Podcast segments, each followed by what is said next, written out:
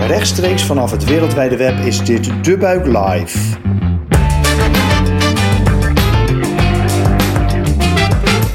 Goed dat je luistert naar De Buik Live, de podcast van De Buik over trends in de wereld van food, drinks en hospitality.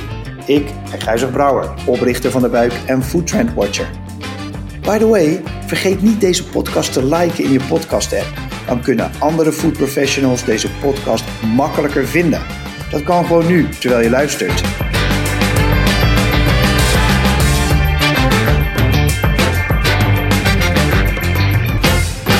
Vandaag zit mijn gast weer op afstand en dat is Mark Sporen, Sales Manager Out of Home bij Van Geloven. Mark, wil jij jezelf kort voorstellen? Ja, jazeker, Gijs Rechten. Uh, mijn naam is Mark Sporen. Ik ben sinds 1 januari in dienst bij Van Geloven. En ik ben vanuit mijn rol als Sales Manager Food Service verantwoordelijk voor het indirecte team bij Van Geloven. Geweldig. Nou, over Van Geloven en Mark gaan we zo verder praten. Hebben we een hele 20 minuten voor, dus dat wordt leuk. Vooraf doen we altijd even kort een soort situatieschets. Waar staan we nou in dit bizarre jaar 2020? Want we gaan nog wel even een maandje door. Gelukkig, we horen steeds meer over vaccins. We weten al in welke schema's ze uitgerold gaan worden. En we kunnen met een beetje positivisme alweer kijken naar het volgend jaar. Maar het is zwaar op dit moment.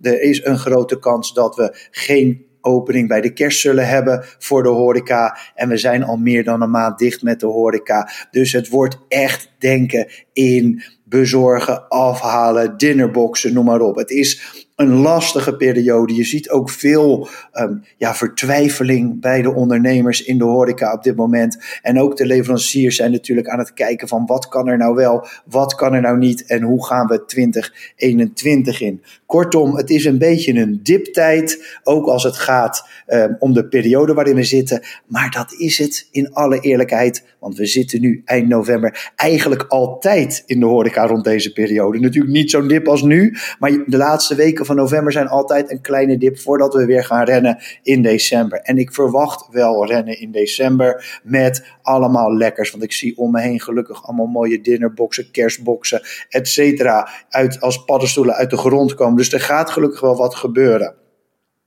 Wij kijken natuurlijk in deze podcast gewoon naar de hele breedte van de, van de food service, van alles wat er komt kijken, eten, drinken en uh, gastvrijheid. En snacks mogen daarin absoluut niet ontbreken. En ja, ze noemen het wel eens de Unilever van de snacks, uh, van geloven, het Brabantse familiebedrijf, waar inmiddels een van de grootste bedrijven van de wereld in de wereld van Food McCain een uh, meerderheidsbelang in heeft.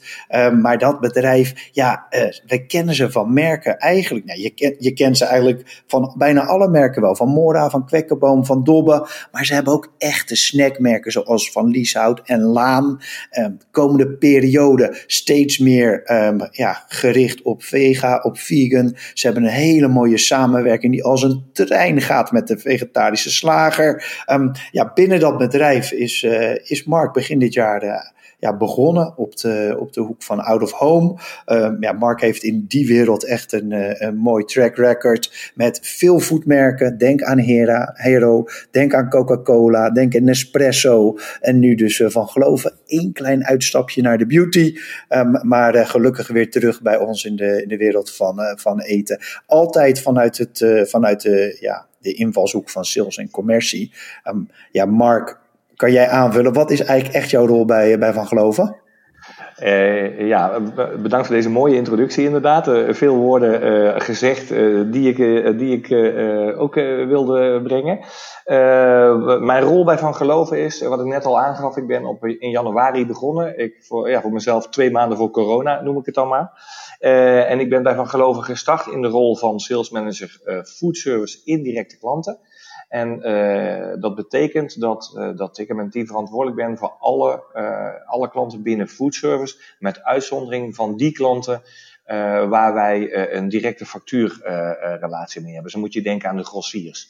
Mijn collega Mark van der Wouw, al, al 32 jaar bij de organisatie en het boekbeeld voor Van Geloven, zit aan de grossierskant. En zelf ben ik binnengekomen om de indirecte klant, uh, het klantenteam verder te professionaliseren. Dus dat, houdt in dat ik verantwoordelijk ben voor field sales uh, en, en dan ook wel voor de, de, de national accounts en de regionale accounts met mijn team. En in Nederland is dat, uh, zijn dat vijf direct reports. Dus uh, twee national account managers, twee account managers en een field sales manager. En uh, sinds afgelopen week ben ik ook verantwoordelijk voor de hele Benelux. Dat betekent dat ik sinds afgelopen week ook het Belgische team ga integreren in, in, in mijn aanpak. Oh, dat is uh, gefeliciteerd, maar dat is een behoorlijke klus, uh, klus erbij. Hoe, je zei al wat over uh, directe verkopen, hè, dus aan de, aan de, de grossiers, de, hè, waar natuurlijk veel van de, van de horeca zijn, zijn handel haalt, om maar zo te zeggen. Dan heb je misschien ook nog wel wat. Jullie werken ook voor een aantal echt grote partijen. Die vallen dus onder jou. Moet ik dan ook aan de, aan de QSR denken en aan de, aan, aan de grote hotelketens en dat soort zaken? Hey, alles binnen horeca en fast service indirect uh, valt, uh, valt onder mijn team zijn hoede en, en onder supervisie van mijzelf. QSR is, is in die zin iets wat door mijn collega wordt opgepakt. Dus QSR is eigenlijk een, een, een, een los, los focus segment eh, binnen onze afdeling. Dus grossiers zijn Mark van der Wouw. Ik zelf ben verantwoordelijk voor, voor de indirecte klanten met uitzondering van QSR. En dan Chantal de Hond is verantwoordelijk voor QSR. Dat is onze private label manager slash QSR manager. En uh, ik denk dat iedereen een, een beeld heeft bij snacks. Hè. Dat is natuurlijk, denken we dan aan de, aan, de, aan de, de bitterballen en natuurlijk de kroketten, de frikandellen, noem maar op. Maar ook de, de, ja, de borrelmomenten in de kroegen. Um, kan je eens iets vertellen over Van Geloof waar misschien mensen denken, oh, oh dat ook nog? Of iets, wat, wat, wat gebeurt er allemaal binnen jullie bedrijf waarvan je denkt, nou ja, dat is, uh, daar staan wij ook nog garant voor? Ja, nou, ik, denk dat wij stiekem, als je in de markt gaat kijken, in zes tot zeven keer van de tien dat je bestelt, dat je met een product van ons in aanraking komt. Dus wij zijn stiekem heel dominant in de markt. dat, dat effectueert zich in een aantal grote merken die je zojuist al noemde. Maar wij hebben ook een heel mooi private label aanbod, samenwerking met grossiers dan wel eh, eh, de, de, de, klanten die in mijn uh, tak van sport vallen.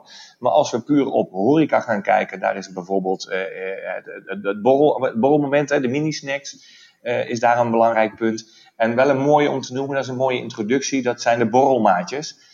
borrelmaatjes is eigenlijk een selectie van onze beste producten die wij samengebracht hebben in een, in een, een social sharing concept. om dat zeg maar binnen horeca verder uit te rollen. Onder, dat is een, een voorbeeld. Ik, ik, uh, wij hebben het hier wel eens een keer over gehad met elkaar. Ik zie die, die hè, dat is eigenlijk een, een moment wat je daar eigenlijk meer claimt dan echt een product. En daar gooien jullie gewoon, geloof ik, zes van jullie merken bij elkaar. Exact, ja. Dat, dat, dat klopt, dat klopt. Uh, dus uh, dat is eigenlijk inderdaad een selectie van het beste wat we hebben. En dat in conceptvorm naar een, naar een, een gebruiksmoment gebracht. Uh, dus dat vind ik een mooie, omdat dat zeker op, op hospitality en op horeca uh, heel mooi aanhaakt. En tevens ook omdat dat voor ons een enorm uh, groeimarkt nog is. Wij zijn van oudsher, nou, snacks, dus vanzelfsprekend is fast service ons grootste dominante kanaal in out of home. dan moet je denken aan 50 tot 60 procent van onze business vanuit het verleden zit in fast service. Maar wij zien wel zeker uh, kansen uh, breder in of home. En dan als je dan op horeca gaat richten, dat je daar social sharing pakt. En vanuit die optiek hebben we gezegd, dan kom je met een product als borrelmaatjes. Uh, dus die pak ik er even uit. Maar we hebben zoveel producten, eigenlijk te veel om op te noemen om te zeggen, hey, die zou dan ook van ons zijn. Misschien wel een goede om te noemen nog, dat is bijvoorbeeld uh, soufflessen, kaas, kaas is heel erg uh, booming op dit moment. Hè? En met, met, met Souffles hebben we daar gewoon een heel mooi product. Wat ook wat heel veel kansen biedt naar de toekomst. Hè? Dus welke, welke variaties kunnen we daarop uitbreiden. Maar ook door, door dit product, zowel in, in fast service als in de andere segmenten. En dan moet je denken in, in catering en dergelijke, om die daar ook aan te bieden. Ja, wat ik daar ook mooi aan vind, en dat sluit ook een beetje aan bij waar ik het eerder al over had. Je, het, is een, uh, het is natuurlijk een lastige situatie, om ik ook me voorstellen voor traditioneel eigenlijk vleesbedrijf, maar iets wat jullie volgens mij heel voortvarend aanpakken. Jullie schuiven naar kaas, jullie schuiven naar vega. Kan je daar wat over vertellen? Hoe, hoe kijken jullie naar de toekomst daarin? Ja, um, uh, terecht wat je zegt. Wij hebben voor onszelf een, een, een, enorme ambitie opgelegd dat wij uh, richting de toekomst voor de helft uit vleesloos assortiment willen bestaan. Nou, dat is, dat is best wel een uitdagende ambitie die we daarin hebben. Maar ik denk ook, en mede gedreven ook wat je nu alles op en rondom corona, krijg je ook een steeds sterkere lobby of hang naar nog verantwoorder. Het moet helemaal traceable zijn. En vanuit die optiek zien wij heel veel kansen, mede hierdoor gedreven, om de, de, de flexitariër en de vegetariër aan te spreken. Ik denk dat flexitariër daarin nog een belangrijkere rol is dan sec vegetariër. Uh, want daar zijn we nu nog niet. Ik denk dat je wat, wat, wij zien in de roadmap voor ogen, is dat je eerst de goede producten die je hebt, daar moet je voor zorgen dat je een herkenbare vegetarische uh, variant voor hebt. Dus dat je breed ook gepercipieerd wordt van, hey, Van Geloven met zijn merken heeft ook vegetarisch aanbod. Dat betekent dat in veel gevallen dat een flexitariër een keer zegt hé, hey, dat ga ik een keer proberen. En nou ja, wellicht ook een vegetariër. Maar naar de toekomst toe, uh, inderdaad, en dan, dan kan je het ook breder trekken, dan is het letterlijk vleesloos. Dan heb je en met kaas en met, met, met groente oplossingen. Uh, maar wellicht ook met concepten waar we nu uh, nog niet in ons hoofd bestaan van weten. Daar, daar voorzien wij een hele grote, grote afzetmarkt naar de toekomst. En daar, moeten, daar vinden wij dat wij daar ook een hele belangrijke rol in hebben te spelen als, uh, als, als grootste in de markt op, op snacks. Mooi voorbeeld, ook mooi om die, om die roadmap zo helder te hebben. Um, kijkend naar 2020, hè, we kunnen bijna zeggen, zit er nog net niet op, maar we kunnen wel uh, alvast een beetje terugblikken. Hoe zag jouw jaar? Jij kom in januari kom je daar binnen. In maart uh, ja, gaat, het, gaat de hele wereld op zijn kop. Um, hoe, hoe, hoe is het bij jou verlopen dit jaar? Ja, nou, ik denk dat dit jaar het beste laat kenmerken door, uh, nou, op zijn Engels een bumpy road, maar als je het vertaalt naar Nederlands, de hobblige weg. Uh, het was inderdaad met, het begon met, met een, met, met, met, ja, horeca was voor mij eigenlijk de start bij van geloven. Dus ja, dan, dan, dan word je ondergedompeld in de, in, in de snackwereld, in uh, de nieuwe relaties. Hè, omdat ik, ja, mijn, mijn afkomst toch eerder uit de, uit de drankenhoek uh, en, en koffiehoek lag. Uh, dus, dus je gaat heel veel nieuwe relaties ontmoeten. Op dat moment zit je eigenlijk in, in de top van de flow. En dan ineens, eigenlijk nog volop in ontdekking. En op 15 maart wordt eigenlijk een soort TGV tot stilstand gebracht in één keer voor je gevoel schiet je dan vooruit, maar je staat stil. En dat betekent voor ons dat, um, dat wij, dat, ja, dat heeft best wel impact gehad voor onze organisatie, uh, allereerst. Uh, eufemistisch gezegd hebben we niet uh, het jaar van de allerbeste leven performance. Nou, dat is enerzijds gedreven doordat wij gegroeid zijn door overnames in het verleden. Dus we hebben diverse fabrieken en die, die willen we optimaliseren. En ja, je wil daar gewoon synergie uithalen. Dus dat was een intern project wat een uitdagend was, maar wat extreem uh, uh, beïnvloed is door corona. Want door corona krijg je aan de, aan, de, aan de beginkant krijg je te maken met enorm veel derving, doordat je producten moet terughalen. Nou, wat geproduceerd is, wat je gewoon ja, niet meer kwijt kunt. En aan de andere kant, dan ga je die eerste lockdown kom je door. En nou ja, met de kennis van dan tracht je zo goed en zo flexibel te schakelen. Maar toch overkomt je op zo'n moment eh, de, de, de, de, de extremere vraag op het moment dat je weer open gaat. Dus dat betekent dat wij op dat moment de vraag niet aankonden. Dus dan krijg je weer hele andere dynamieken in het veld. En, en, dat was deels terwijl het natuurlijk, we hadden natuurlijk een project en dat, daar maakten we stappen. Maar corona zorgde ook dat we met name in onze fabriek in Helmond, want Helmond schuurde dan een beetje tegen de hoek waar best wel grote coronaklappen zijn gevallen, dat onze fabriek daar gewoon onder bezet was, omdat vele mensen, uh, het ziekteverzuim was hoger. En niet dat we daar corona uh, hadden, maar wel dat mensen in, in quarantaine moesten uit voorzorg. Want voor safety first bij ons. En dat betekent ook dat de mensen uh, ja, in quarantaine moesten en, en, en pas weer zonder een vorm van klacht terug. Dus dat betekent een stukje onderbezet daarin. Dat betekent dat je minder snel up to speed komt. En ja, dan krijg je wel uh, lastige kwesties bij klanten. Dus, dus in die zin uh, op, op, op voorraadstuk. Uh, als ik dan naar de klant kijk, ja, dan, dan kunnen we de getallen allemaal wel uh, ongeveer voor ons projecteren. Dan zie je de, de out-of-home markt, of eigenlijk de hele markt in beginsel, zie je natuurlijk een enorme klap op out-of-home komen. Dan zie je ook dat retail in het begin nog wel een mooie lift laat zien.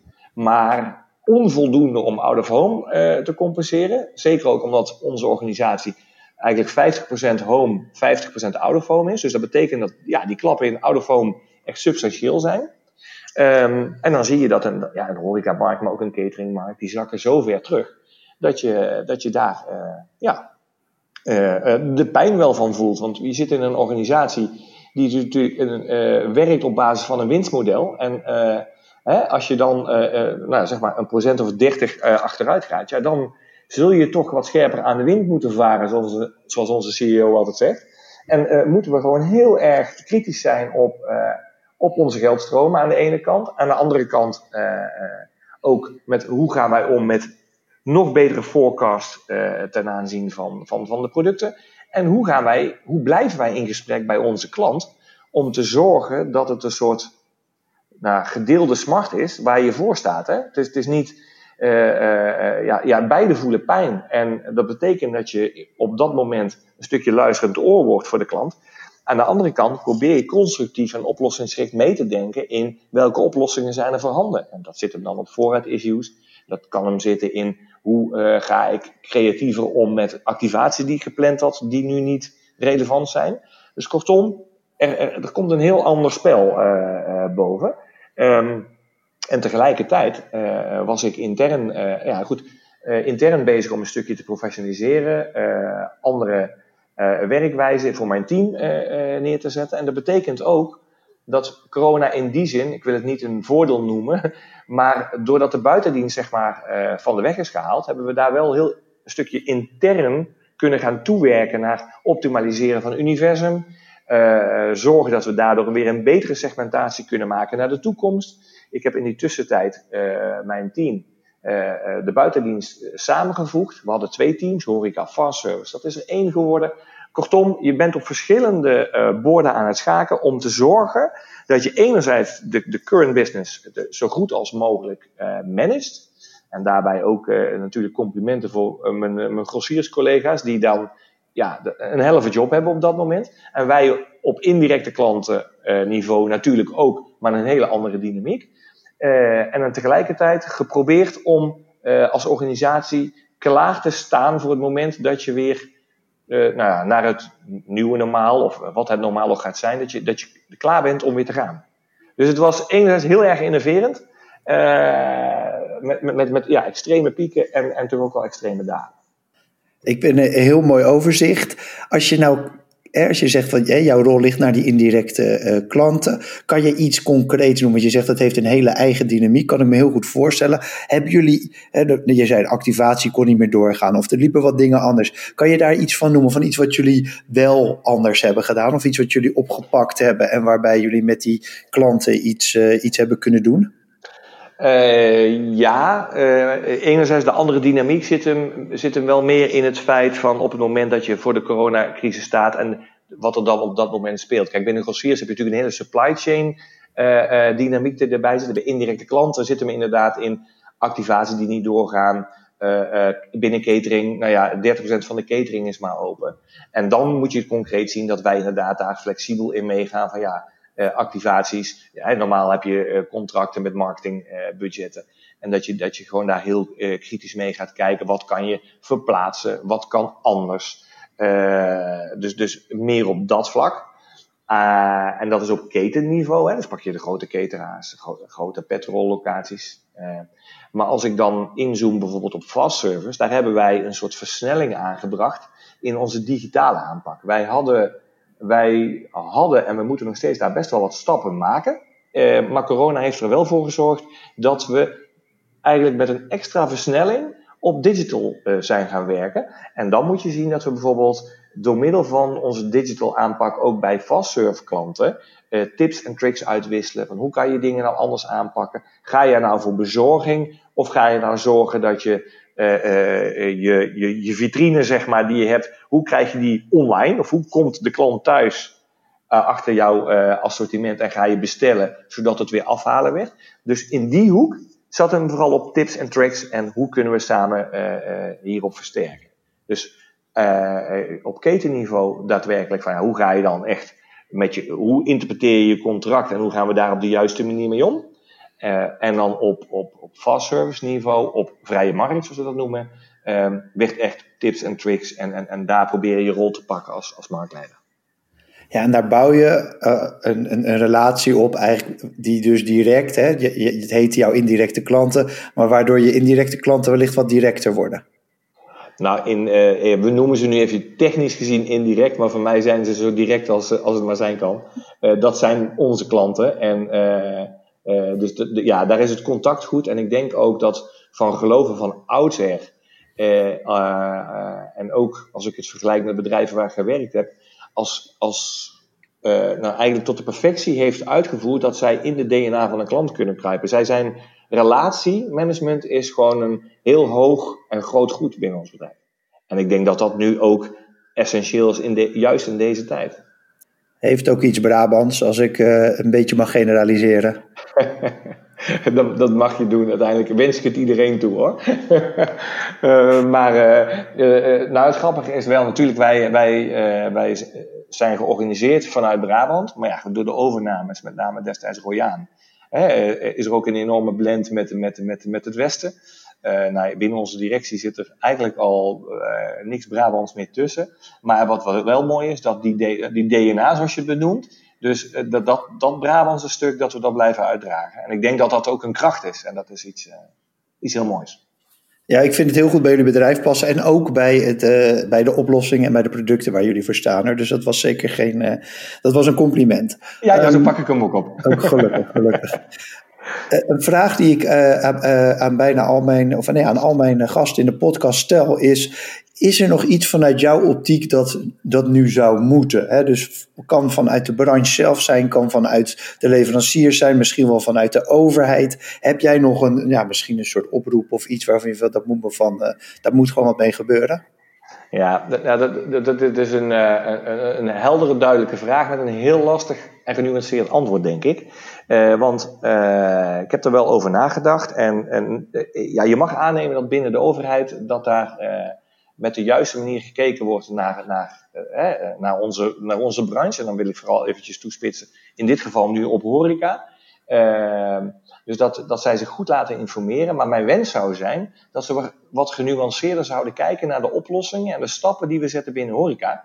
Uh, om toch binnen de richtlijnen uh, zo goed mogelijk te kunnen ondernemen. En om daar toch een, een, een, een, een goed en overwogen besluiten te maken uh, als de periode die zich nu aandient, als die langer gaat duren. Dus dat is eigenlijk meer een, meer een wens die ik uh, uitspreek. En tegelijkertijd ook, als ik dan kijk hoe horeca zich, en nu generaliseer ik wellicht, maar hoe zij zich dan manifesteren, dan lijkt het erop dat ze vaker zeg maar de ehm, provocatie slash confrontatie zochten. En ook daarin zou ik haast willen oproepen, uh, laten we dat met elkaar op een, uh, uh, ja, een gedegenere manier doen. waardoor we wellicht in gesprek blijven met elkaar en waardoor we sneller stappen kunnen zetten richting, nou, gedeeltelijk slash opening, met inachtneming van, van, van de richtlijnen. Dus dat is niet, dus ik heb geen antwoord van wat zou per se moeten, maar meer een oproep van hoe zouden we het kunnen met elkaar wellicht beter of sneller kunnen bewerkstelligen. Dat zit er puur op de manifestatie van hoe. Ik, vind het een heel, heel duidelijke uh, antwoord hoor. Want je eigenlijk meer maatwerk vanuit de regelgevers en meer vanuit uh, wat wel kan en, en minder met, met de vuist op tafel vanuit, vanuit de branche. En ik, dat sluit ook wel aan hoe ik er naar kijk. Dus dat is, ik hoop dat veel, veel mensen deze podcast en ook dit stukje gaan, gaan luisteren dan. Um, Eén en laatste vraag, Mark, is altijd en uh, dan vraag ik je, uh, je hoeft niet te diep in je glazen bol te kijken, maar toch even, hoe kijk jij naar, nou ja, misschien komend jaar? Wat, wat voorzie jij korte termijn, lange termijn? Wil je, heb je plannen voor 2021 gemaakt? Hoe ziet dat er een beetje uit bij jou? Ja, nou ja, uiteindelijk is het, uh, de, de, de, plannen die staan klaar. Uiteindelijk is het dan de vraag van hoe gaat, ja, nou, wanneer gaan bepaalde plannen eerder tot, tot executie komen. Maar wat ons voor ons vermoeden, verwachting is dat op het moment dat we nu zometeen door deze lock, uh, ja, lockdown komen, uh, dat er wellicht nou ja, naar het voorjaar toe, dat, dat er nog wel iets te gebeuren staat. Maar ik verwacht dan dat wij, en gelukkig zitten we met nog steeds dominant in fast service, Daar zien wij wel een, een gedegen herstel. En daar zien we ook onze, onze, onze groeikansen in. Ik zie tegelijkertijd dat um, als horeca nou, op het moment dat we weer open gaan, dat daar weer een, een, een uplift komt. Dus daar, daar, ja, moeten we uh, bij zijn op dat vlak. En zeker ook met de proposities zoals ik net aangaf. Hè, vooral dat er dan weer een moment gaat zijn van social sharing. Uh, binnen catering, dat is een lastige. Ik voorzie daar wel dat cateringbedrijven voorheen vooral georganiseerd als bedrijfskatering en, dan, en, en, en de aanverwante segmenten, dat dat steeds meer foodservice oplossers gaan worden. Dus dat ook zij breder gaan, gaan, gaan trekken, uh, conceptmatig. En daar zullen wij ook uh, klaar moeten zijn om, om, om daarin mee te kunnen. En uh, travel, een andere segment wat ik eruit wil pakken, daar voorzien wij wel. Er is nog steeds wel minder, minder verkeer op de weg. En ik denk dat er ook wel blijvend zo zal zijn naar de toekomst. Hè, zolang de grote corporates steeds meer en vaak ook thuiswerken als standaard gaan, gaan, gaan integreren. Dus minder verkeer op de weg. Maar daar zien wij wel heel gericht uh, nog steeds ook dat zich dat normaliseert. Omdat onze categorie daarbinnen uh, eigenlijk tot op heden ook goed functioneert. Dus dat zijn eigenlijk uh, op korte termijn hoe we het zien. En daar hebben wij onze plannen op klaarstaan om nou ja, op, op, op, category management en, en, en echt het in de klant kruipen mee. Maar hoe kunnen ze tot de beste oplossingen komen? dat dat klaar staat. voor de langere termijn, en dat hebben we net ook al aangehaald, eh, willen wij onze uh, ja, digitale roadmap verder ontwikkelen en willen, zijn we bezig met onze, met, met onze vleesloze uh, vega roadmap. Wat een hele belangrijke gaat zijn. En daarvoor hebben we ook al een aantal introducties klaarstaan voor het aankomende jaar. Ja, daar kijk ik zeker naar uit. Um, afsluitend altijd dezelfde vraag. En um, dat is: waar bestel je zelf of waar haal je zelf graag af? Ja, dat is. Uh, uh, uh, ik vind het heel belangrijk om de local retailers te supporten. Dus ik probeer zoveel als mogelijk in mijn eigen dorp dat te doen. met, met wat uitwijk richting, richting Eindhoven. en dat gaat van, van, van sushi tot aan regulier de snackbar en alles daartussenin. Oké, heel goed. Ja, lokaal, hè, support your locals, heel duidelijk. Dus, uh, en Eindhoven gebeuren ook uh, genoeg leuke dingen. Um, Mark, mag ik jou van uh, hartelijk danken voor de aanwezigheid in mijn podcast. zeer graag gedaan en jullie veel succes. Dit was De Buik Live, de live podcast van De Buik over trends in de wereld van food, drinks en hospitality. Dank nogmaals aan mijn gast Mark. Ik ben Gijzer Brouwer en wil jullie nog één ding vragen. Als je het een leuke podcast vond, wil je hem dan doorsturen naar iemand anders of liken in je podcast-app? Dat kan je gewoon nu direct doen terwijl je nog luistert. Dan, dan help je andere liefhebbers van food, drinks en hospitality deze podcast makkelijker te vinden. Heb jij nog onderwerpen waar we het over moeten hebben? Laat het ons dan weten in de comments of stuur mij een berichtje. Dank voor het luisteren en tot de volgende aflevering. Cheers!